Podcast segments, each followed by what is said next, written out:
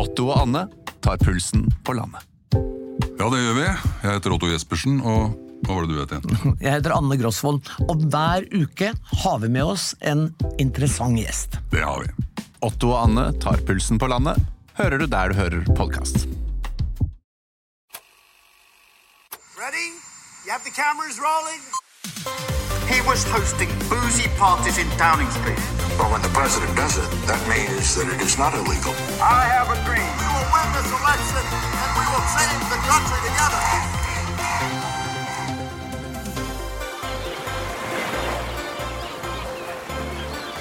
Velkommen. Velkommen. Jeg er Eirik Bergesen, Og mitt navn er Sofie Høgestøl. og dette er vårt eh, nokså uhøytidelige, veldig personlige forsøk på å gå bak ukas nyheter, eh, hvor vi leter etter sammenhenger, prøver å si noe om fremtiden, på jakt etter det store bildet, sånn som vi ser det.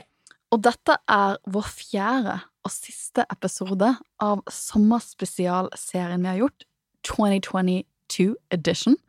Velkommen.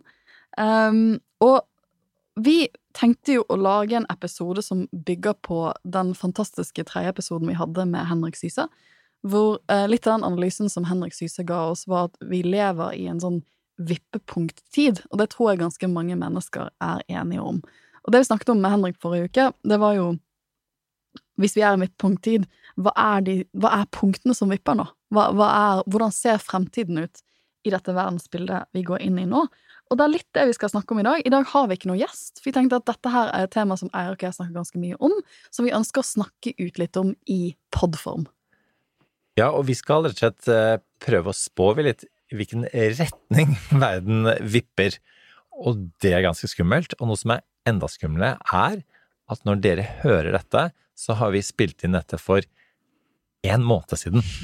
Fordi dette er, som vi har sagt før, forhåndsinnspilte sommerspesialer. Første uken i juli. Det skumle med det er, som vi også vet, for dette er hele bakgrunnen for at vi begynte med denne poden her, at det var en, Vi er i en tid hvor alt skjer så raskt, og mye av dette er ganske negativt og fælt og gjør at folk er genuint urolige. Så spørsmålet er jo rett og slett eh, hva jeg veit har skjedd på disse fire ukene, Sofie? Nå som folk sitter og hører på, sitter de på en eh, branntomt av en planet? Er, er de omgitt Er det romvesener som har kommet for å overta, som har sett sitt snitt? Nå er tiden inne, nå har menneskene kjørt denne eh, verdenen sin eh, i grus. Nå må, er det på tide at vi overtar. Hva tror du? Altså, eller jeg har begynt å se på fjerde sesongen av West uh, World. Altså, eller har vi våknet opp til at vi alle er sexroboter? Og vi har ikke skjønt at vi egentlig er roboter, og det er roboter blant oss. Uh, vi vet, eller vi vet ikke.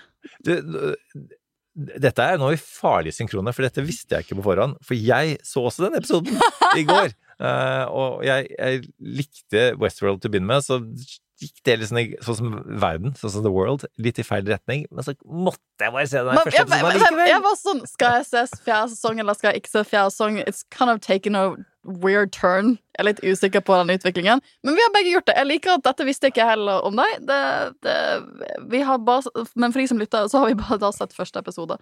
Um, Skummelt synkrone. Jeg er veldig spent på om jeg nå, fire uker seinere, har sett så mye mer enn den første episoden. Men, ikke. Hm? eh, ikke sant? Så, men jeg, eh, i hvert fall, kanskje er det, har roboten overtatt. Kanskje Eller som i finalen av Stranger Things, står vi der og ser utover landskapet hvor det kommer, kommer vulkanrøyk opp, og vi skjønner den bam, bam, bam! Kanskje er underverdenen overtatt oververdenen. Vi vet ikke. Vi vet ikke. Eller kanskje vi bare er like svette, småirriterte, småavslappet på en strand et eller annet sted, og Forhåpentligvis.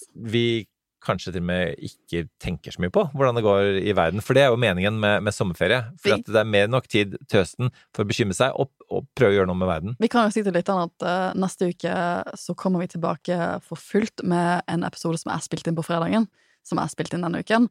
Og da har vi allerede booket oss inn uh, en friend of the pod, som vi ikke skal røpe hvem er, men vi kan røpe hvem er denne uken. Eh, til å komme og snakke om USA-ting. For jeg tenker En av de tingene som du og jeg har vært mest bekymret for, er at vi er jo to USA-eksperter som nå skal prøve å ta ferie og koble av. Det snakket vi om i lunsj. Vi spiste lunsj sammen før vi skulle spille den, denne episoden. Og det er jo alltid skummelt, for vi skjønner jo at det skjer mye i USA nå. Og jeg, så når jeg ser på CNN nå, så er det nesten alltid før når jeg ser på om kvelden nå, så er det folk fra denne 6. januar-komiteen som er innom for å tease at de har masse nye vitner, det kommer nye høringer, det kommer nye ting, så er det bare å følge. Så vi, altså, om Trump har blitt arrestert om fire uker, så vet, det vet jeg, tror, jeg, jeg tror jo virkelig ikke det, men you know. Eller altså ikke om fire uker, men, men nå, når man, Nå man hører på, ja. Ja. er kanskje Trump i fengsel? Jeg tror, jeg tror virkelig ikke det. Nei, ja, det er ikke det. det var, Men, men det, det, er, det er et sånn sensitivt tidspunkt for oss som USA-eksperter å ta ferie. og og den, den gjesten som, som er friend of the pod, er opptatt av amerikansk og er en av de som ikke klarer å koble av. Nei. Heller ikke i sommer. Da tror jeg vi har røpt ganske mye allerede.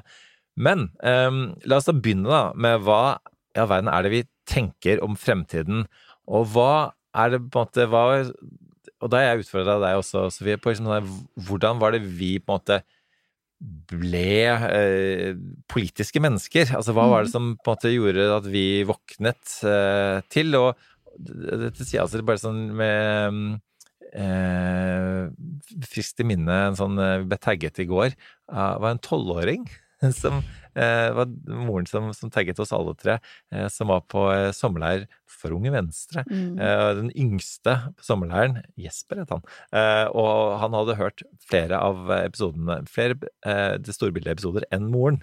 Eh, og det var kjempesøtt og sjarmerende, og jeg ble kjempeglad. Eh, og godt å høre at vi når ut til alle aldre, forhåpentligvis alle ulike typer samfunnsgrupper, for den saks skyld. Men om ikke ja, det, om ikke tolv, da, så hvis vi spoler litt noen år fram i tid, og da jeg begynte på universitetet, så, så havna jeg der rett etter um, ja, murens fall. For hvilket år er vi når du begynner på universitetet, Erik? Jeg var redd for at du skulle si det, så jeg ble minnet på hvor, hvor gammel jeg var. Um, eller er. Uh, altså, jeg, jeg begynte i um, 1990, så, så Berlinmuren hadde rukket å falle. Du begynte på Så- i 1990. Ikke si Da gikk, da gikk jeg på Sølvberget barnehage i Bergen, så vi var begge i Bergen. I Bergen. Um, og, og så hadde Sovjetunionen var i ferd med å oppløses, eh, og så eh, ko- kom riktignok Bosnia-krigen, og det var veldig tett eh, på oss, litt sånn som med krigen i Ukraina nå. Den husker jeg. Det er den første krigen jeg kan huske å ha sett på TV. Eh, litt fordi at eh, jeg var mye hos besteforeldrene mine. De, bod, de liksom tre timer utenfor eh, Bergen. Jeg var der mye på ferier og, og, og i helger og sånne ting. Uh, og um, min bestefar, som jeg har sagt før, var jo krigsfange under andre verdenskrig. Og det var sånt hjem hvor du så på Dagsrevyen hver kveld, og da var det stille. Og alle måtte se på. Men jeg husker at det var liksom Da tok han liksom hånden foran øynene mine, for han ville ikke at barnebarnet sitt skulle se krig på den måten der. Og jeg tror det var veldig vanskelig for han å se de bildene fra Jugoslavia med den forhistorien han har. Så det, det, det, det gjorde et inntrykk på meg hvor sterkt han reagerte på de bildene. Eh, så det, hus, den, det, det husker jeg veldig godt. Ja, og så var det altså litt ulikt eh, krigen i Ukraina nå, som er så, jeg føler at det er så veldig tydelig det gode mot det onde, demokrati mot ikke-demokrati. Så var til og med vi eh, studentene på Sammenlignende politikk i Bergen, godt ledet av Frank For det var Aarbrot. det du studerte. Det studerte jeg. Eh, vi var liksom lurt litt på hvem er Til hva for å begynne med, hvem er det vi heier på i det hele tatt eh, her? Og så skjønte vi at uh, det er alltid en som er mer aggressiv enn andre, og at uh, selv om vi er alle serbere, som uh, Torvald Stoltenberg sa den gangen, så skjønte vi at uh, serberne hadde mest eh, skyld. Eh, det er en, er en lang historie, men bare for å vise til at, at den krigen da eh, ble over, og det var en type optimisme eh, rundt det. Og du hadde altså FN eh, hadde, Kofi Annan var en høyt respektert FN-sjef, eh, en som folk kjente navnet til og forholdt seg til. Eh, Bill Clinton var president i USA. Tony Blair den gangen trodde man til og med var en, eh, en, en person som skulle forme verden til det bedre. Han sa på et tidspunkt at det kanskje er denne generasjonen den generasjonen som blir den første som ikke opplever krig i sitt levetid. Vi vet hvordan det endte, og vi vet også at eh, Tony Blair var med å starte eh, Irak-krigen, eh, som, som er en av de tingene som har skapt mye av de problemene vi har nå. Eh, og ja, altså det, det, det var en type sånn optimisme. Jeg um, tenker noen ganger sånn ok, hvis det var et sånn idealår, da, eh, i fall min levetid, som tenker som at nå går eh, alt så meget eh, bedre, som Kåre Willoch sa den gangen. Eh, så er kanskje en sånn 1996 da, da var det veldig mye som falt på plass. Og til og med den musikken jeg hørte på, sånn indie-rock, var plutselig på listetoppen. Og band som Oasis, som også besøkte Number 10 Downing Street for øvrig, og traff eh, Tony Blair, som hørte på de. Eh, og på en måte ja, Og dette kunne jo ikke fortsette. Og det som da skjedde, var eh, 9-11, og mye av det vi sliter med nå, det skyldes det, og verden gikk ikke fremover, sånn som vi trodde den gangen den gikk eh, tilbake, og kanskje er det greia, den går litt fram og tilbake. Ja, for det, det, som er interessant med oss, er at vi har en aldersforskjell som gjør at eh, liksom, din studieperiode som begynner etter hvert å gli over min studieperiode, så vi, vi, vi, opplever disse ti årene på litt forskjellige måter. For jeg blir jo da student i London i 2005, og jeg bor jo eh, en god del år i utlandet, mellom fra, da jeg, fra, fra 1990, da jeg gikk på Sølvberget barnehage i Bergen, Uh, og, og 2005 så har vi bodd en del år i utlandet. Og uh, jeg husker jo Bill Clinton fra et Singapore-perspektiv, for da bodde jeg i Singapore. Og jeg husker for så vidt det var sånn stor Det er sånn interessant i etterkant at en sånn stor historisk sak for meg, det var jo at når Storbritannia ga tilbake, da, i gåse altså, I parenteser her, ga tilbake Hongkong til Kina. Jeg husker den overtakelsen ganske godt. Det var en stor begivenhet i Sørøst-Asia. Jeg så det på TV. Men den, som du sier, den optimismen, den og Når vi flyttet til Asia, så hadde Sørøst-Asia vært gjennom en sånn uh, liten finanskrise. Men det var mye optimisme i, i, Singapore. Det var veldig mye som skjedde i den delen av verden på det tidspunktet. Uh, og så skjer jo 9-11, og det var jo også Jeg var 14-15 da. Og det var også sånn sjelesettende, selvfølgelig, for jeg tror det var en sånn oppvekker for min generasjon at oi, nå skjer det et eller annet her. Nå skjer det et, eller annet veldig banebrytende her. Men jeg tror, og, og, og jeg husker Irak-krigen veldig godt, for det har vi snakket om før, at Irak-krigen var sånn første store store politiske demonstrasjonen jeg har vært en del av, var, eh, på, eh, det var demonstrasjonen vi hadde i Oslo mot eh, invasjonen av Irak. Så det var sånn, også en viktig politisk oppvekker for meg. Men samtidig så var det, når jeg begynte på studiene i London i 2005, da begynte jeg på International Relations på London School of Economics, så da var det fortsatt veldig mye optimisme. Blair var fortsatt statsminister i Storbritannia. Eh, eh, London var gått inn i en ganske stor jappetid. Um, og det var sånn fascinerende å se tilbake på, for jeg, jeg ble ferdig på, med graden min på LSI i 2008, og så ble jeg ett år til for å studere juss.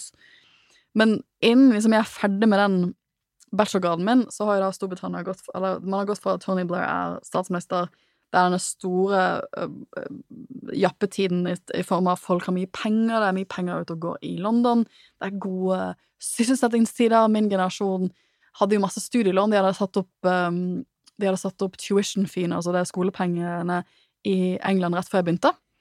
Uh, men det var en sånn følelse av at ja, ja, så har vi en del studielån, men det, det gjør arbeidsmarkedet så utrolig bra. Og så blir jeg ferdig på LSI sommeren 2008. og da er det ganske mange av vennene mine, på tross av at mitt kull, altså på den skolen økonomisk er det jo selvfølgelig mange som, der, som studerer økonomi og business, så det er også veldig det er liksom, De skal liksom være best eller nest best i Europa på international relations, det er altså global politikk, det er det de er kjent for. Det er det andre store de er kjent for. Og på tross av at kullet mitt var sånn, vi var 40 stykker, så det var ganske lite kull. Men på tross av at mange hadde jo Det er jo noen idealistiske unge barn som begynner på den type studielinje, akkurat som sammenlagt politikk, for så vidt. Eller si nest best etter Sampol. Nest best etter Sampol, yes. uh, men, men, det var jo ganske mange av vennene mine, på tross av at vi studerte Vi hadde gått den veien, som hadde, som hadde liksom som skulle begynne in the city. Altså, de skulle begynne med finans i finansbransjen i London. For den, det var jo nesten, Du fikk jo jobbtilbud kastet etter deg på det tidspunktet fra finansbransjen. Så jeg hadde bokstavelig talt venner som, som, begynte i Lehman Brothers. Syns, uh, hadde fått jobbtilbud. Det er, sånn, det, det er, litt sånn forferdelig, for du, du fikk ofte jobbtilbud eh, sommeren før du ble ferdig på universitetet, for du var, du var intern den sommeren, så får du jobb til, hvis du var flink, så fikk du jobbtilbud, og da visste du egentlig hele siste året at du hadde jobbtilbud. Så tenk å jobbe Du, du, du har, liksom, har sånn Du, chiller den siste året, for du visste at nå skulle du gå inn og skulle gå på Lehman Brothers, skulle få godt betalt, skulle være fantastisk, og så jobbet de der bokstavelig talt i sånn fire-fem uker da, før finanskrisen. Og det husker jeg veldig godt, for plutselig så står det jeg vet, jeg vet, jo ikke hvordan dette føltes i Norge, men plutselig så er man i en stasjon i London den høsten 2008 at folk står utenfor banker. Det er bankruns, altså det er banker som går under. Folk står utenfor banken i et desperat forsøk på å få ut kontanter. Og da var jeg litt sånn Oi, Nå er det noe som skjer. Altså, hadde jeg masse venner som ble arbeidsledige, og det å bli arbeidsledig når du er nyutdannet altså Hvis du ser på min generasjon, særlig i USA, for eksempel eh, det, har, det har satt min generasjon i USA så mye tilbake i tid. Akkurat det at de, de ofte gikk gjennom arbeidsledighet de første årene etter studiene, og hadde mye mer studiegjeld enn det foreldrene deres hadde. Og da tror jeg det var en sånn, da begynte en del ting å skje, for da Du har finanskrisen, følelsene rundt Irak-krigen er, er mye verre i 2008 enn de var når jeg kom i 2005. Eh, Tony Blair måtte gå av, litt i skandale. Eh, og liksom, plutselig så får man en sånn følelse at det er mye som skjer. Jeg følte jeg begynte på studiet i en tid hvor man tenkte sånn Nå har verden gått fremover i riktig rett. Altså, disse 90-årene som du snakker om, var, det preget jo veldig mine professorer. Ikke sant? Som ofte hadde, liksom, de har forsket mye, de hadde kanskje hatt doktorgradene sine på 90-tallet. Det var en veldig sånn positiv verdensfri. det store temaet på studiet var ofte sånn Hvor fort blir Kina en supermakt, og det blir det bra for globalisering? Men det var ganske sånn positivrettede fremtidsvisjoner, da. Også det vi vet ser nå, at vi egentlig på det tidspunktet i verden var på vei inn i en demokratisk nedgangstid. Så det var ikke den positive fremtidsvisjonen som jeg hadde når jeg gikk ut av studiene, som skjedde. Og disse tingene henger jo sammen, og først og fremst så tenker jeg at det handler om ikke 9-11, men det handler om svarene på 9-11, ja. som jo var at uh, man uh, tok øynene vekk fra, fra, Wall Street, som begynte å handle med råtne lån, som jo igjen skapte uh, finanskrisen. Og så fikk man et, sånn, et overvåkningssamfunn, et fryktsamfunn i USA. For ikke å snakke om, om at man da holdt på i det som ble den lengstvarende amerikanske krigen i utlandet, med eh, en sånn Sisyfos-greie, med, med liksom å prøve å, å, skape demokrati med udemokratiske midler, så, som jo aldri hadde livets uh, rett. Og så, men så skjedde det et eller annet, i den forstand at um, eh, man trakk seg ut av Afghanistan til slutt, og om det var mellom, med halen mellom beina eller om Veldig kalkulert var det uansett ikke, men i ettertid så kommer, det til å være, kommer, historien til å være at de i hvert fall trakk seg ut, og det eh, var, burde man egentlig ha gjort eh, mye tidligere. Og sånn som med Vietnamkrigen, ingen husker lenger omstendighetene rundt at de trakk seg ut, men at de fikk avsluttet det, var bra. Og så er man jo eh, tilsynelatende klare for en tid som eh, ikke har krig, som det er mm. litt mer økonomiske oppgangstider, eh, og, og, kanskje også at man endelig kan se på klima og gjøre noe med det. Og så må vi ikke underspille at liksom, liksom, hva skjer i 2008? Jo, Obama blir valgt til president i USA. Og jeg hadde jo ganske mange amerikanske venner på studiet som hadde vært interns i kampanjen hans eh, den sommeren, for eksempel, som kom tilbake og var helt frelst. Jeg hadde en sånn, eh, sånn studie, sånn professor som var ansvarlig for meg, da, fordi liksom, de hadde alle sine studenter de var ansvarlig for, som var sånn traurig tysk professor. Og han ble helt Obama-frelst. Og for meg, sånn, denne traurige, liksom, sånn, sånn strenge tyske professoren var sånn Jeg husker han sa til meg sånn på et eller annet tidspunkt at det var våren 2008. Han var sånn Sofie, alt er mulig. Obama holder på å bli president i USA. Alt er faktisk mulig. For jeg tror han hadde aldri tenkt at det at en svart mann skulle bli president i USA, det ville ikke han ha tenkt var mulig i hans levetid. Uh, og Obama blir valgt, og det føles ut som en Altså, vi gir han fredsprisen i Norge. Så det var sånn Den følelsen også sånn Ja, finanskrisen kom, men sånn, den følelsen, den optimismen av sånn Oi, oi hvis USA kan liksom komme seg så langt uh, at de tar et sånn type oppgjør med rasisme at de uh, velger en, en, svart mann til å være president, da har vi kommet oss inn i en ny æra. Ja, hvis vi, Jeg snakka om 1996 i stad, men la oss si hvis du sier at hva er de mest optimistiske ukene i, i verdenshistorien, så er det jo ca. rundt da Obama ble valgt. Og altså, jeg eh, drank the Kool-Aid. Jeg, jeg, var, jeg var helt on board. Jeg husker jeg til og med diskuterte med med, med, faren min, som jo var en, eh, en realpolitiker av en næringslivsleder, som mangeårig NHO-sjef. Jo, Ja, jobben er jo på en måte å forhandle i reelle interessekonflikter i samfunnet, og hvor, hvor, jeg snakket om at det ja, liksom Tony Blair, eh, din uh, kompanjong holdt jeg på å si, på LSI, Anthony Giddens, som mm.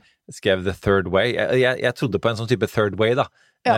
At, liksom, at nå har og som en sånn pratmaker og skribent sjøl. Nå har liksom eh, Obama tappet inn i en slags sånn herre eh, retorisk eh, kilde som gjør at vi alle kommer til å forsones. Ja. For at nå blir ting lagt fram på en måte som alle kan forstå de gode hensiktene. Og husker jeg faren min sa Hope and change, hope and change. han bare sånn eh, jeg var sånn Ja, men, eh, altså, sånn, men sånn, det er ikke sånn politikk henger sammen. Så ikke sånn politikk hengt sammen før, nei. Men nå er det nye tider. Vent og se! Og det er litt morsomt å snakke om det nå, for at, sier, den, den forelskelsen jeg tror ganske mange, særlig sentrister, opplevde rundt Obama, og optimismen rundt at Obama blir valgt, den var veldig reell i 2008. Eh, og igjen, nå kan du klinge, for liksom, hadde vi visst da at åtte år senere så skulle han fyren fra The Apprentice bli USAs neste president, så hadde vi bare ledd! Det hadde vært helt usannsynlig. Og det er liksom det, er liksom, det utgangspunktet at hvis noen hadde sagt til meg når jeg flyttet fra London i 2009 ja, at, eh, at uh, han fyren fra The Apprentice skulle bli USAs neste president, og at altså, stakkars Boris Johnson skulle være britisk statsminister, og at Storbritannia skulle melde seg ut av EU, så hadde jeg vært sånn That's fucking crazy. That's never gonna happen. Men, men det Obama-Trump-eksempelet er jo ingenting viser tydeligere. Altså, verden går fram, eh, ett skritt fram og, og to tusen eh, tilbake. Og, og, og forhåpentligvis fram og tilbake igjen, men at Um, det, det, var, det, var, en veldig sånn tydelig påminnelse, da. Um, men også Trump gikk av, uh, om ikke i egne øyne. Uh, og, og, da er vi på uh, en Altså, vi er jo da Nå har jo pandemien skjedd under Trump, og måten han løser på, har jo skapt mye av de problemene USA er i nå. men så tenkte man eh, at eh, fortsatt, man hadde fortsatt ikke helt gitt opp eh, 2020-årene. 2010-årene var blandet drops, vil jeg si. Ja. Uh, og da begynner du å se et verdenssamfunn som ikke greier å samarbeide på samme måte som de gjorde på 90-tallet. For 90-tallet var jo karakterisert av at fordi at Russland liksom, Sovjetunionen falt, du får et Russland som er, litt, som er mer åpen da mot Vesten, du får McDonald's i Moskva, som vi kan le av i dag, men den har jo blitt fjernet igjen nå under krigen. Men det var en viktig sånn Plutselig er Russland back in the fold, og Russland sitter jo i Sikkerhetsrådet. Og det at Russland plutselig begynner å samarbeide med Vesten igjen, det gjør at Sikkerhetsrådet er mye mer handlekraftig på 90-tallet og for så vidt deler av 2000-tallet enn det de var før. Men 2010, så, liksom, i de årene, det tiåret der, så ser du at de mekanismene begynner å løse igjen, og det er mange eksempler på det, men kanskje det tydeligste internasjonale eksempelet på det er Syria. For man får en borgerkrig i Syria som man rett og slett ikke får ikke, eh, Man får ikke noen internasjonale løsninger på bordet for den konflikten der, til dels fordi at Russland, altså hovedsakelig fordi at Russland og Kina sitter i Sikkerhetsrådet og legger ned veto på at FN kan gå inn med fredsforhandlinger eller gå inn med, med uh, fredsstyrker eller gjøre den type ting som man kunne gjøre. Så man, man hadde jo blandet suksess med det på 90-tallet. Det, det, det, var jo ikke perfekt, men man hadde redskaper internasjonalt for, samme, for, internasjonalt samarbeid hvor man kunne gått inn litt mer aktivt i borgerkrigen i Syria. Og det du ser at den borgerkrigen pågår jo Vi snakker jo ikke om den i hele tatt nå pga. Ukraina, men den pågår jo fortsatt. Og du ser at vi greier ikke å brannslukke den. Den begynner jo ganske tidlig på 2010-tallet. Du får også det vi håper den arabiske våren, den blir jo avlyst på mange måter. Den blir ikke det vi tror den skal bli. Og så får man et tiår hvor verdenssamfunnet er ganske låst på en del store spørsmål. Og man får ikke dette internasjonale samarbeidet som man hadde litt forutsetningene for å ha de to tiårene før det. Og da skjønner vi at ok, mm, this is not that great. Men, men, men så er det masse Men så er vi er mennesker er, Jeg tror vi Menneskeheten er jo optimistiske på sin egen fremtid. Det må vi nesten være. Så du, du har jo minnet meg på at hva var det man liksom, for jeg, jeg har mye tenkt sånn Hva var det jeg trodde For det, dette er skummelt å si, men nå som vi har kommet til sommeren 2022, så er vi jo en fjerdedel gjennom 2020-årene. og liksom, på starten, altså på, i desember 2019, så hadde vi nok ikke helt spådd at 2020-årene skulle handle om det vi det. Det bare plinger det de, uh, det de gjør nå. For, liksom, hva trodde du i desember 2019 om dette nye tiåret? Ja, altså, jeg hadde jo uh, fulgt uh, FNs slagord. Jeg legger gjerne livet mitt opp etter FNs slagord, nemlig at dette var mulighetenes tiår. og det var det tiåret hvor man da skulle løse dette med grønt skifte, møte eldrebølgen, fornye velferdsstaten, finne ut av dette med digitalisering. Eh, og ja, vi var på en måte vi hadde, vi hadde, til og med kommet sammen om å løse eh, eh, korona på en måte som gjorde at vi både fikk løst inntil videre korona ved hjelp av internasjonale allianser og organisasjoner, og at land som USA med Biden endelig ble konstruktive.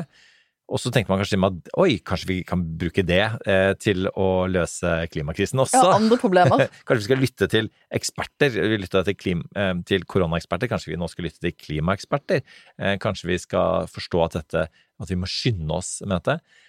Og så står vi her da, nå i 2022, eh, som du sier, en fjerdedel inn, og det er full krise i den forstand at det er at Russland angrep Ukraina og angrep på en måte egentlig vestlig demokrati. Vi er fortsatt usikre på hvor Kina står oppi det hele. Vi frykter at de kan, eh, som blåkopi, prøve å gjøre noe samme i I Sør-Kina-havet. Og da er vi ja, mot Taiwan, og da er, vi Taiwan, virke, da, er vi virkelig, da er verden virkelig, virkelig, virkelig i en veldig alvorlig situasjon. Og vi har absolutt tatt igjen blikket vårt eh, vekk fra ballen, som jo er eh, klimakrisen. Og det er bare Senterpartiet som tør å si høyt at vi kanskje må revurdere klimamålene våre. Men det kan være at vi faktisk må revurdere eh, klimamålene våre. Samtidig som, og det er viktig å si også, så vil dette med grønn skifte også være med på sikt å løse de sikkerhetspolitiske problemene vi står i nå. For vi skjønner jo at vi ikke kan drive og holdt på med olje og gass eh, fra regimer som Russland eh, og eh, Saudi-Arabia, og blir jo nødt til å måte, ha kontroll på vår egen energi. Så, så at disse tingene henger jo sammen. Så igjen, mulighetene for um, framtidsoptimisme ligger jo der fortsatt. Det er jo på en måte to sider av samme sak. Så det vi skal snakke om litt nå, er ok, hvor ender vi da? For eksempel da på slutten av 20-årene.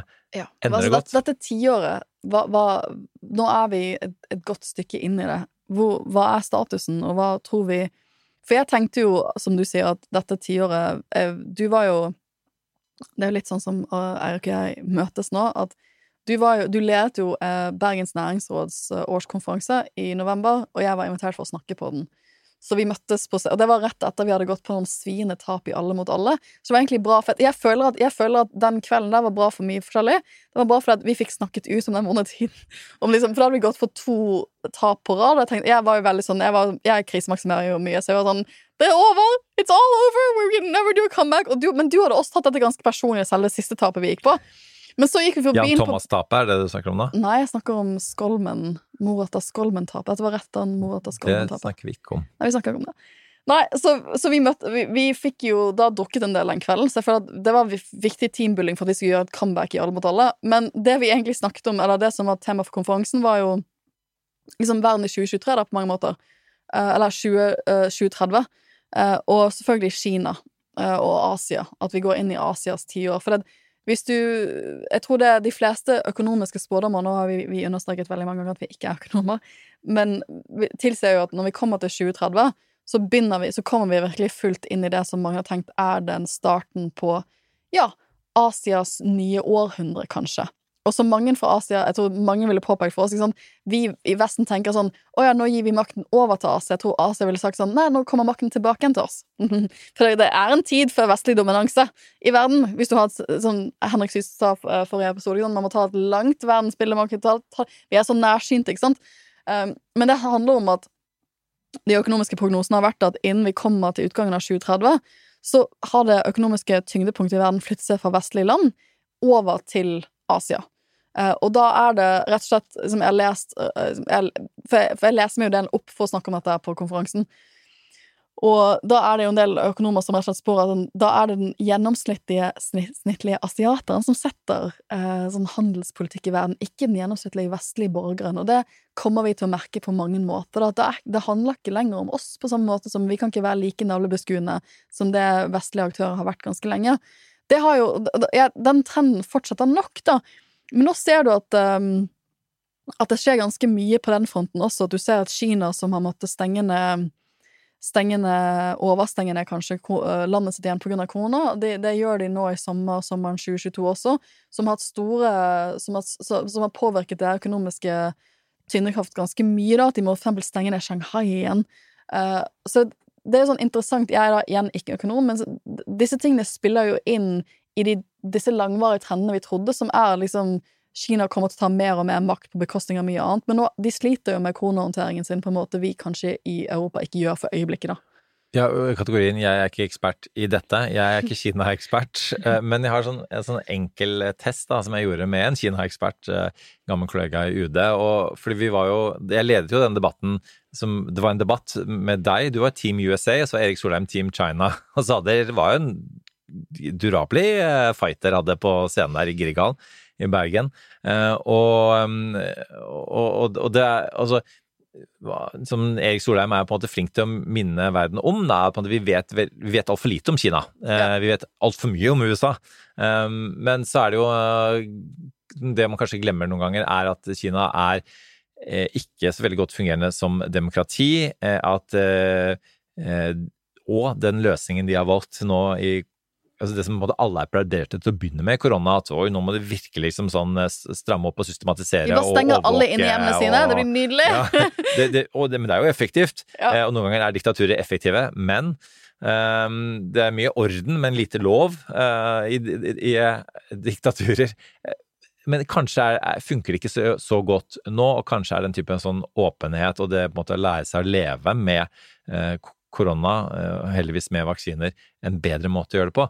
Men den store Kina-testen som jeg spurte min eh, tidligere kollega om, var på en måte ok, gitt at Kina ja har brakt så og så mange millioner ut av fattigdom, men hadde de gjort en like god jobb, og å si bedre jobb med å gjøre det, hvis de også hadde gitt disse folkene her organisasjonsfrihet og ytringsfrihet? Selvfølgelig hadde det. Selvfølgelig.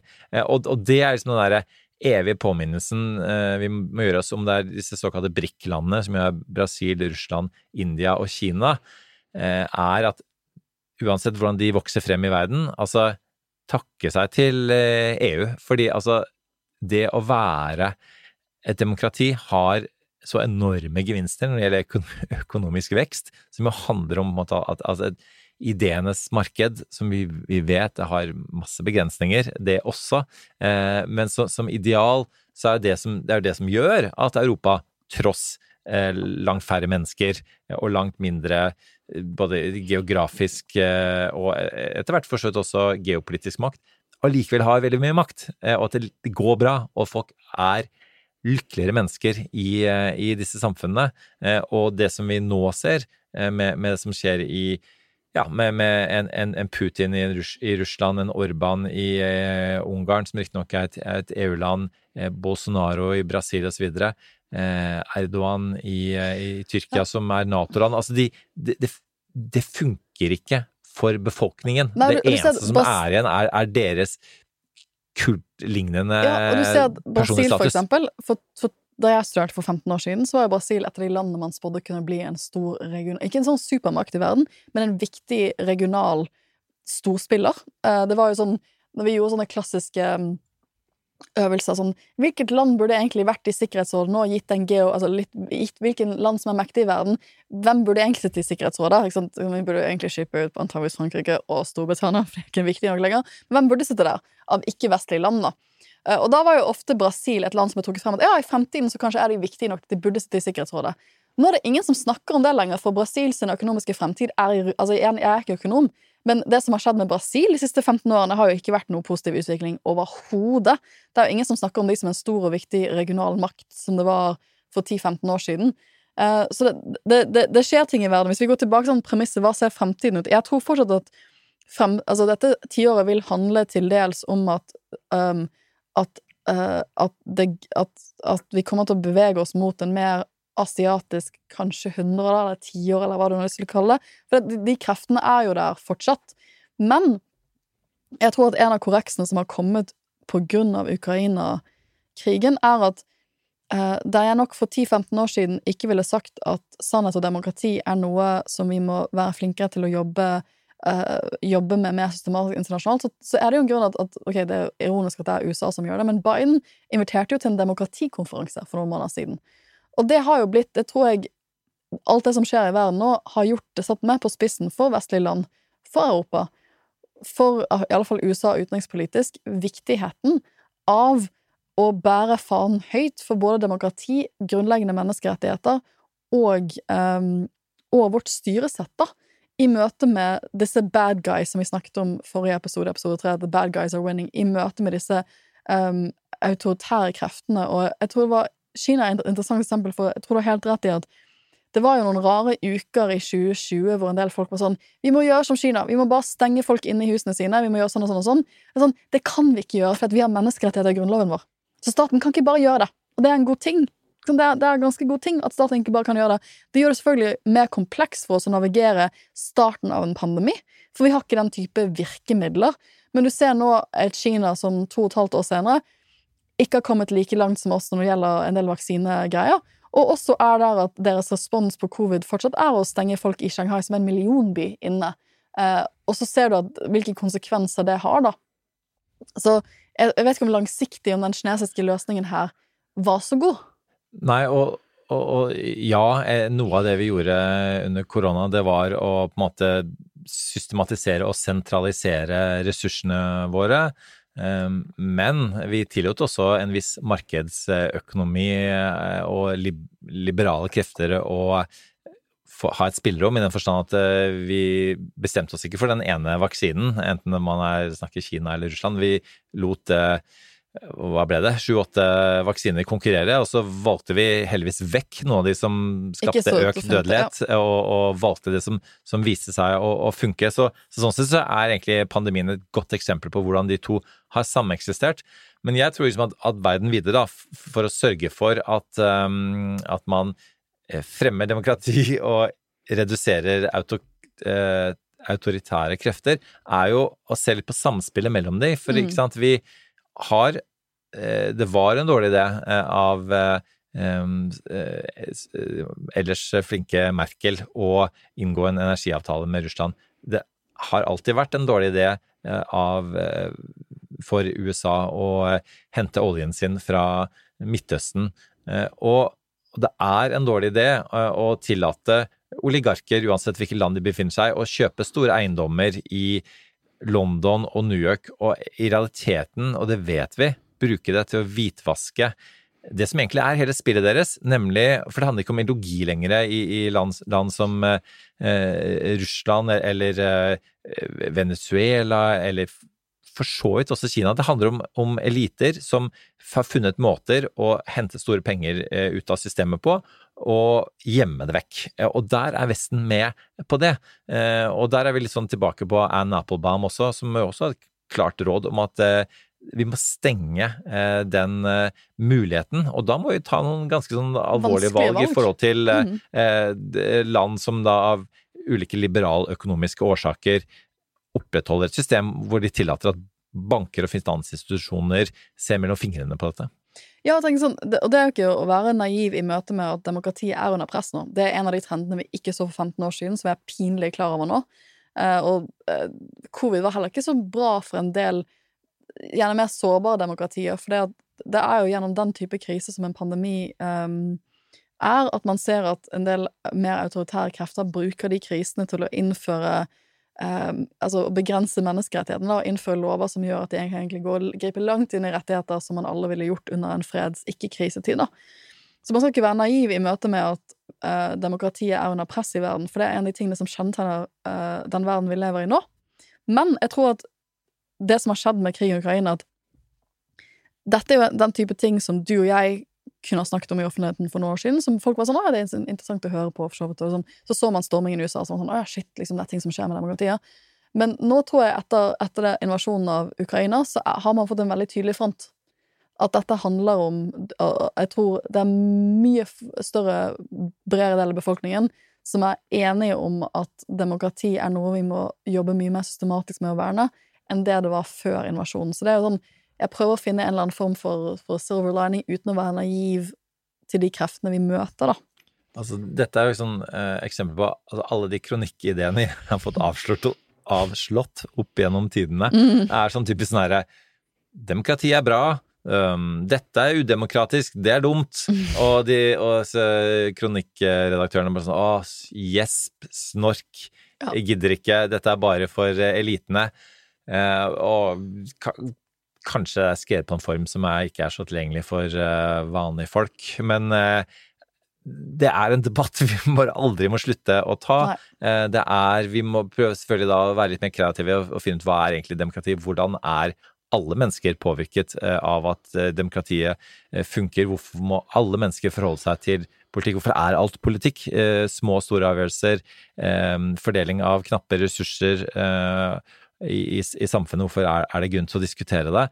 Eh, men eh, la oss også bare se litt på eh, hva er det disse antidemokratiske kreftene gjør, da, som også um, gjør det vanskelig for oss å vinne fram da, i måten vi skal beskytte demokratiet vårt på. Og det var vi også inne på med, med Henrik eh, Syse.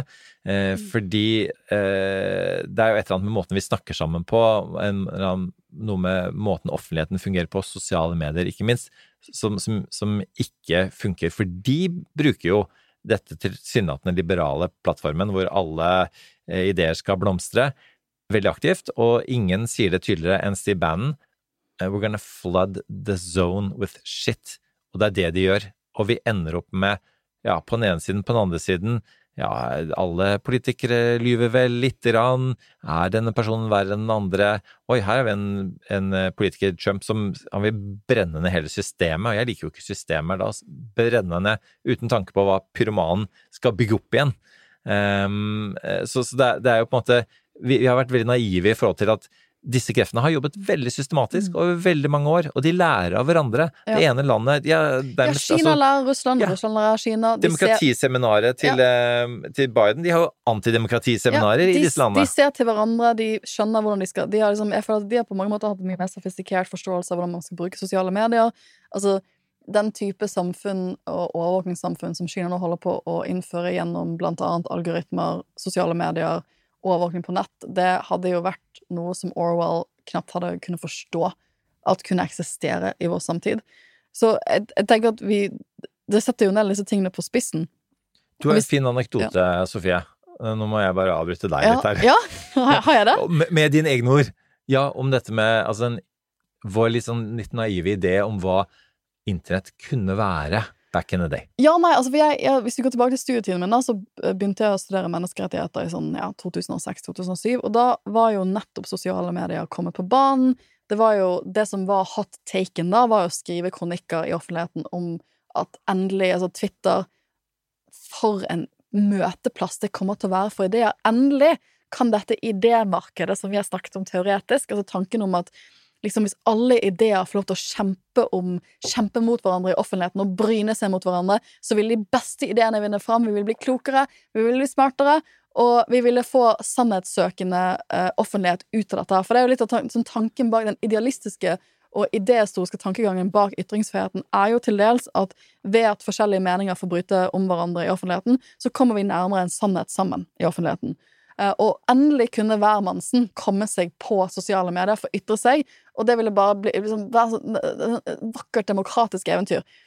Innen jeg da skal holde samme forelesning om ytringsfrihet selv, sånn 10-15 år senere på UiO For Anine Kjærulf var borte et semester, så jeg fikk lov til å holde ytringsfrihetsforelesningen for andreårsstudentene våre som tar sånn menneskerettigheter og grunnlovsrett.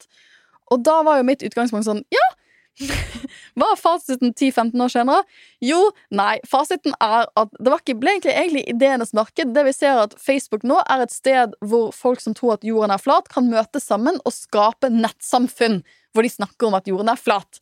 Og det var bare en av de tingene jeg tror vi ikke tenkte på når sosiale medier kom. at Jeg antar at før i tiden, hvis du trodde jorden var flat, så var det vanskelig å møte likesinnede folk. Sånn, hva skulle du gjøre? Gå rundt på bedehuset og så spørre sånn random folk sånn du, du, hva tenker du om jorden? Er den rund, eller tenker vi kanskje at den er flat? Sånn, det, liksom, det, liksom, det var ikke, jeg antar det var ikke lett å finne, finne likesinnede på 80-tallet, da, hvis man gikk rundt og mistenkte at jorden egentlig var flat og styrt av lizard people.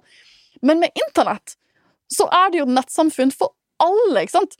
Uh, så, uh, så tvert imot, uh, tvert imot at man, disse meningene får lov til å bryte mot hverandre, og så vinner den beste meningen frem, så har man jo rett og slett en oppblomstring av sånn old school konspirasjonsteorier som at jorden er flat, som bare har fått et fornyet vind. Og når disse chat-gruppene møtes i virkeligheten, så ender de opp med å storme Kongressen ja. og true hele amerikansk ja. demokrati. Så det var sånn, så liksom, Den boken jeg anbefalte forrige uke, der The Ugly Truth der sier liksom, På et eller annet tidspunkt så sier en av aktørene sånn For det, uh, internt i Facebook dette Jeg tror det må ha vært sånn før presidentvalget i 2020, hvor de liksom Vet du hva? Hvis vi ødelegger demokratiet, hvis vi nå ødelegger det amerikanske demokratiet, så kommer ingen til å huske oss for noe annet. Mark Zuckerberg. Ikke sant?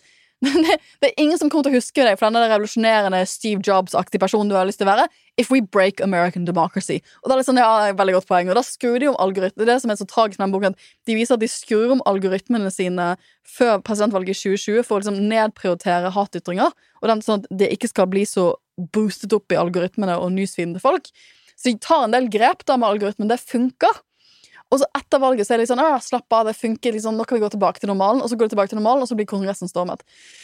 Sånn kort forklart, da. Uh, så ja. Så, og da lo alle studentene mine, for mine studenter de har jo ikke vokst opp De husker ikke den idealiserte versjonen av Twitter vi trodde vi fikk i 2005. De er jo vokst opp med De er mye flinkere på sosiale medier enn vi er. De har jo vokst opp med sosiale medier It's a fucking minefield som vi ikke har skjønt hvordan vi skal Som vi snakket om forrige uke med Henrik Syse. Vi har ikke skjønt hvordan vi skal regulere det ennå. De holder seg til og med klokelig unna mye av Mange det. av mine studenter er mye klokere enn jeg er på sosiale medier. Mm, veldig eh, meningsbrytningene eh, som fins på Jeg tror de syns at det er totalt steder. irrelevant og meningsbryte på den måten der til tider. Og og for det andre så tror jeg også de gjennomskuer den selvpromoteringen som min generasjon eh, drev med sosiale medier. Den er uinteressant for dem, for den ser så uekte ut fra deres perspektiv. For å prøve å oppsummere litt trådene her, så, så, snakker vi om at uh, det vi kanskje ikke visste Lykke vi til med å oppsummere trådene ja, her. uff, lykt, altså, men på vei inn etter tiåret så hadde vi nok uh, ikke helt forstått hvor mye uh, allianser ville være viktige. Det er jo en av de tingene, det er jo en av de sånn old school-tingene vi har lært av krigen i Ukraina, at vi kan ikke stå alene i denne verden her. Vi er ikke på slutten av historien. Vi er midt oppi den, og vi trenger alliansepartnere. Jeg tror man får ingen fred Man får ingen pris for å si at det som blir viktigere etter tiårene vi trodde, det er tradisjonell alliansepolitikk. Eh, Det er også blir viktigere for jeg tror en del demok demokratier å jobbe mer systematisk for å verne om demokratiet sitt, og også være mindre naive enn det vi var på 2000- og 2010-tallet om autoritære krefter, og hvordan diktaturer eh, bruker også våre systemer mot oss. En annen ting som er mye diskutert, er jo globalisering. Og da, litt, av, litt av tanken bak denne episoden var at jeg, som jeg av og til gjør denne, denne helgen før vi spilte denne episoden, så var, så jeg gjennom Amazon sin sånn uh, top charts av hvilke bøker som trender i USA nå. Og da ble jeg plutselig sånn fant, falt jeg over en bok som er på topplistene, var på topplistene iallfall første uken i juli. Eh, som han, det er ikke så ofte sånn bøker om verdenspolitikken og sånn geopolitisk analyse, da bli toppa listene, men det, er en bok som gjør det nå, eh, og den heter The End of the World is Just the Beginning. Mapping the global The Collapse of Globalization av en fyr som heter Peter Sihan. Og jeg har prøvd å liksom finne ut av en, en amerikaner, da, hvilken kvalifikasjoner har han for å mene så mye om dette. Han er jo en såkalt geopolitisk analyst. Altså han, han, han, han bruker tiden sin på egentlig, han bruker tiden sin på å spå ting for selskaper om hvordan liksom, verdensbildet er, og hvordan det vil være i fremtiden. Han har skrevet en del andre bøker. Og så var det sånn, ok, spennende, for den, denne, hele denne boken eh, eh, er liksom, når, han selger den inn på Amazon, handler om at, eh, at eh, globalisering Som man har jo spådd døden av globalisering siden jeg var liten. Eh, globalisering er på, på randens ende, og vi går inn i en ny er dette, Han er enig med oss at det er et vippepunkt. Han mener bare at dette vippepunktet er starten på en ny æra av anti, av deglobalisering. Og, og så prøvde jeg Jeg, jeg vil ikke nødvendigvis anbefale noen lyttere å lese denne boken. her For jeg, liksom, jeg, er, jeg blir alltid veldig veldig skeptisk når eh, boken begynner med sånn, på mange måter sånn verdenshistorie for sånn 2000 år tilbake i tid, med sånn veldig lite kilder. Veldig mye detaljer med veldig lite kilder. For da, da blir jeg veldig sånn forsker, er forskeren i meg. Det er sånn, hvor er fotnotene? Hvor er kildene dine for at dette var tilfellet eh, for 2000 år siden i vannbaserte samfunn da? Men ok, det kan godt være at han vet mye om det. Men hele hans altså jeg, jeg prøvde å finne sånn, Hva er grunnen til at man mener at verden går til helvete? For han mener Egentlig hele spådommen hans er at vi, er, vi går inn i en veldig dårlig tid for verden. Og det, han, hans bakgrunn for å si det er demografi. At fordi at generasjonen med 60-åringer som holder på å pensjonere seg i dag, ikke fikk nok barn, så er en del av de industrialiserte eh, landene i verden på vei til kollaps. Og det kommer til å gjøre at økonomiene våre blir mindre, og det kommer til å føre til oppbrytning av globalisering. Vi får se om det er det som skjer. Håper ikke det er det som skjer, for det er veldig mørkt. Det, det, det verdensbildet han maler om, er ekstremt mørkt. Det er sånn type sånn men, men jeg liker også han amerikanske, så jeg liker sånn Det er ekstremt mørkt, men han sier sånn USA is gonna be okay. We're gonna be fine for these reasons, but like it's a, it's a shit show for the rest of the world. Men jeg Because God bless America. ja, ja, Ja, han mener liksom USA fordi at deres generasjon med 76-åringer, altså boomers, de har fått nok barn til at Og liksom, ja, millennials were pretty useless. Jeg er en millennial. They're kind of useless. Det er mye å si om de. Men det er nok av de til at de kan uh, ta nok jobber til at vi kan være Til at vi kan produsere våre egne ressurser internt i USA, så vi ikke er så avhengige av andre land. Og derfor vil vi gjøre det ganske greit i denne tiden som kommer. Men dette globaliseringsspørsmålet er interessant, for at jeg, ut ifra de tingene jeg leser, har ikke så nødvendigvis noe tro på at det blir min, altså at, at globaliseringstrenden er ferdig. Men jeg tror at globalisering i tiår som er tiår nå hvor, um, hvor verdensbildet er mer, oppleves som mer ustabil, kommer til å se litt annerledes ut enn det det har gjort de siste to tiårene. Ja, fordi um, Altså, vi Det er et sånt fint sitat at uh, vi tenker globalt, men vi handler lokalt. Vi, altså, vi De som måtte tro at vi det finnes en global elite som bare tenker å handle globalt, det gjør vi ikke. Eh, Vi, det, vi er, vi er um, veldig til stede i eh, våre egne familier og nabolag og osv. Men den ideen om at det fortsatt vil være noe som er globalt, handler jo først og fremst om at vi da søker på en måte likesinnede ideer, og det mener jeg og håper jeg jo at demokrati er eh, andre steder i verden, og at vi søker hverandres varer. Og her skal jeg på en måte, jeg skal ikke frikjenne eh, en av de som vi snakket om i litt sånn skurkaktige termer i stad, Tony Blair, men han dukket opp på, det var vel siste episode, av eh, en av våre favorittpodkaster, fordi den er litt sånn som vår. Den heter The Rest is Politics med Alistair Campbell, Roy Stewart, to mennesker som bare prater sammen. Vi begynte jo prater podkastene våre samtidig, og det er litt morsomt, for jeg føler sånn det var ikke, Vi har ikke laget en kopi av deres, men det litt, du begynte å høre på den etter vi hadde begynt å lage vår podkast, og det er sånn De er jo helt andre typer personer enn det vi er, men det er jo litt det samme utgangspunktet. De har mer makt enn oss. De det mye mer makt. Si. De er mye, mye, mye, mye, mye mer makt. Det er sånn deilig med sånn uh, First time I met uh, Putin, uh, I got impression that Ja. uh, um... sånn, um, nei, vi, har, har du møtt Putin? Nei. Jeg har ikke møtt Putin. Jeg møtte Hillary Clinton.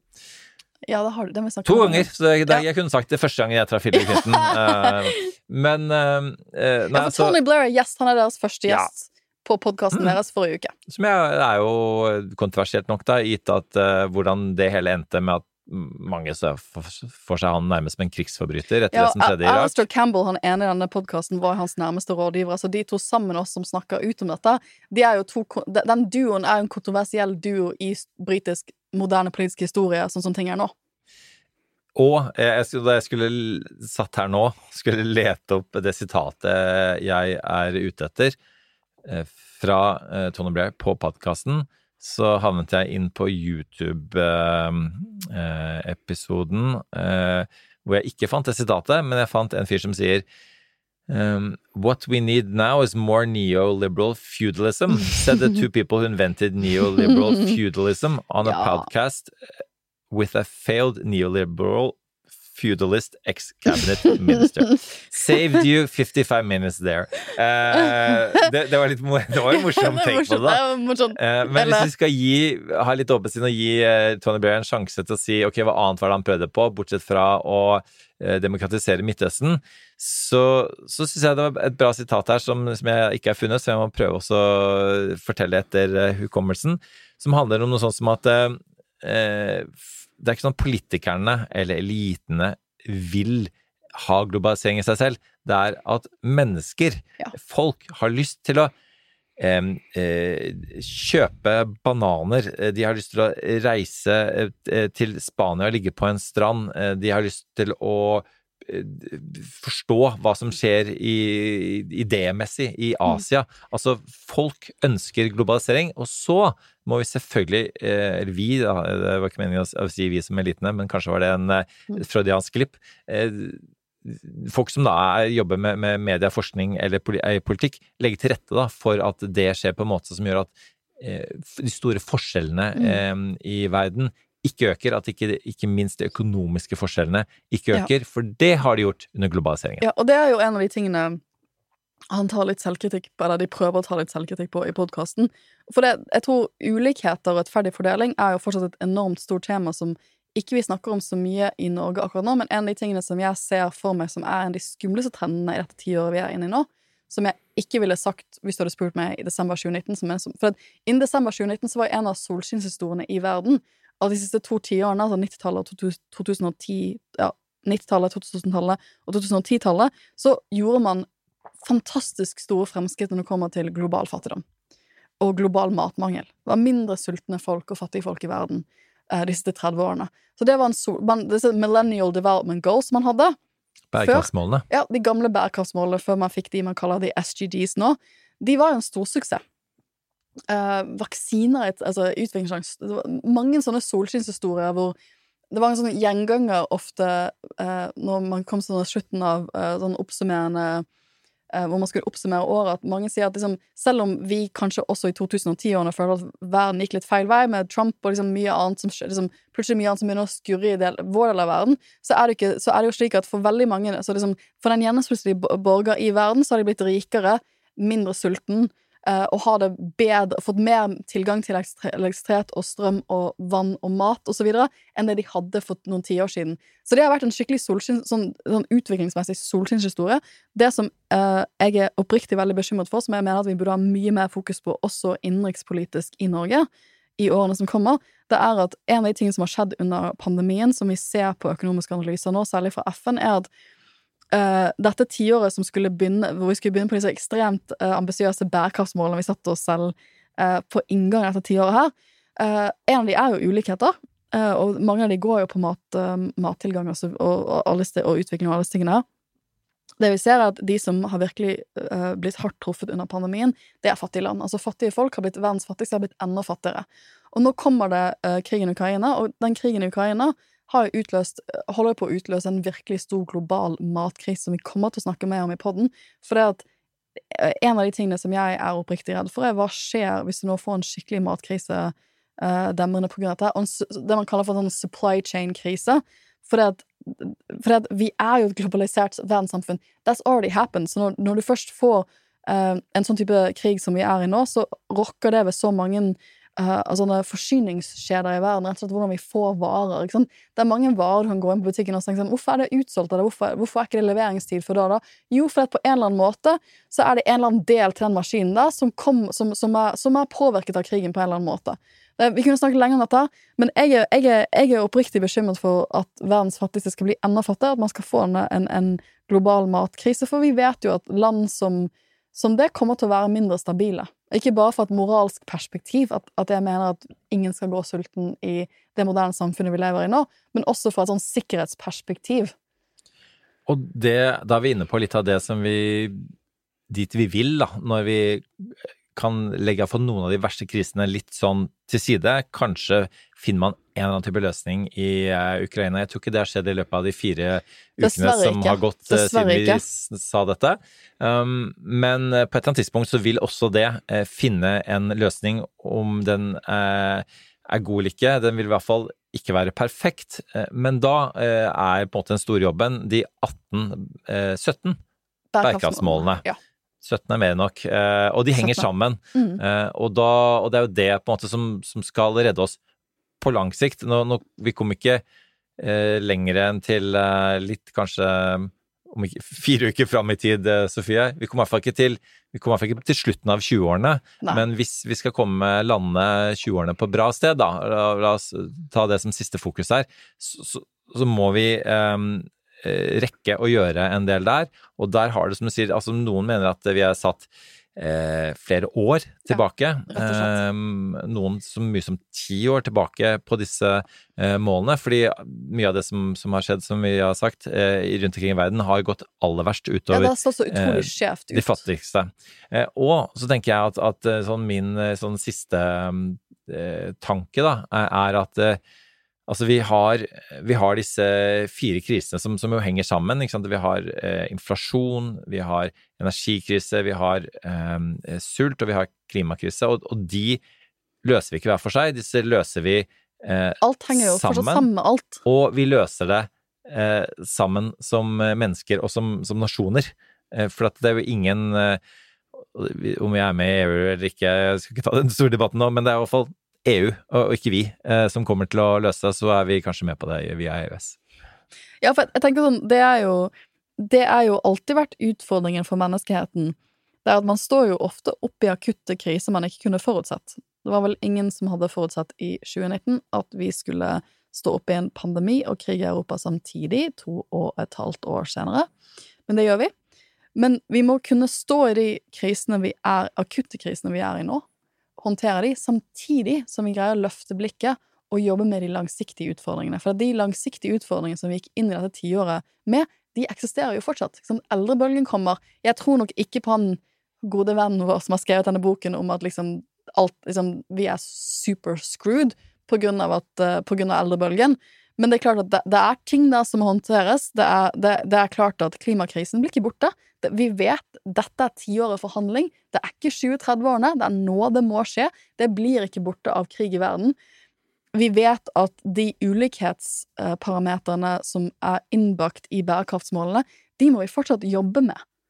Uh, for det, det, er, det, det, handler om hvilken type globalt samfunn vi ønsker å ha på sikt.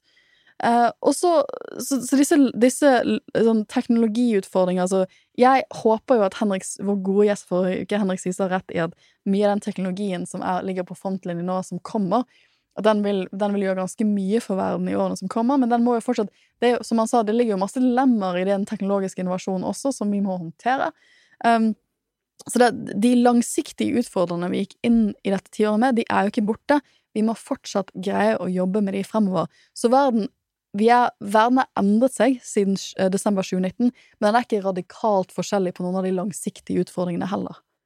Og med det, eh, Sofie Jeg syns vi klarte å lande sånn eh, noenlunde, ja, altså. Mm. Så jeg er veldig spent på om dette holder seg gjennom de fire ukene som vil ha gått ja. innen vi sa disse ordene. Og bare for å sagt det, ingenting gleder oss mer enn om vi kommer tilbake på ferie om fire uker, og det har blitt fred i Ukraina, og verden ser litt lysere ut enn det vi har malt opp her. Så én ting vi kan hoppe på en bedring, så er det de ufattelige lidelsene der. Da er det helt ok å ta feil. Sånn, hvis vi kommer tilbake da det blir fred i Ukraina, og, og la oss si at 6. januar-komiteen har greid å overbevise masse sånn always Trumpers om at kanskje, kanskje, det var litt farlig for demokratiet vårt allikevel. Så hvem vet? Vi, vi, vi, må jo velge å kanskje se at det er positive glimt der inni denne fire, års, eh, fire ukers fremtiden vår. Men vi må jo allikevel gjennom en siste sommer påkobling og avkoblingsanbefaling.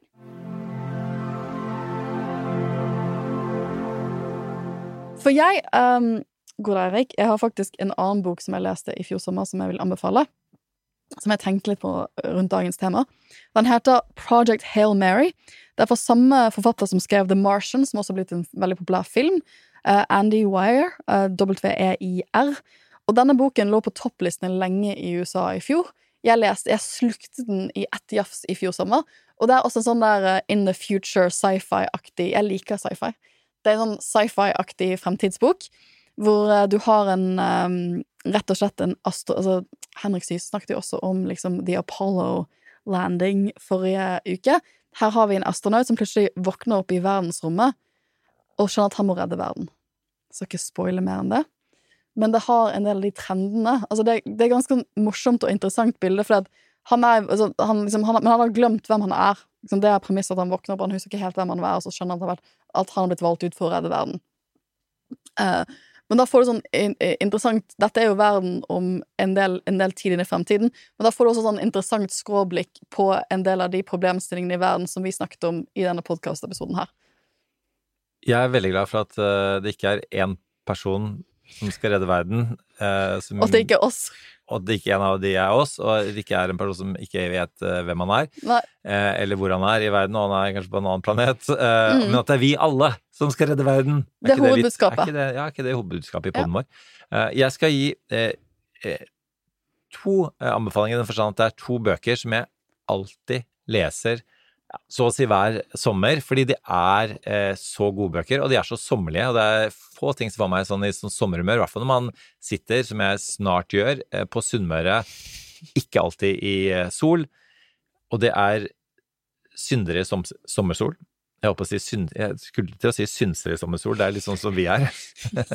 eh, Syndere sommersol av Sigurd Hoel, som er bare mange mennesker på et svaberg som bare diskuterer livet og verden og det er Edens hage av uh, Ernest Hemingway om et par som prøver å redde ekteskapet og romantikken og bare bade masse og drikke masse drinker nede i Sør-Frankrike.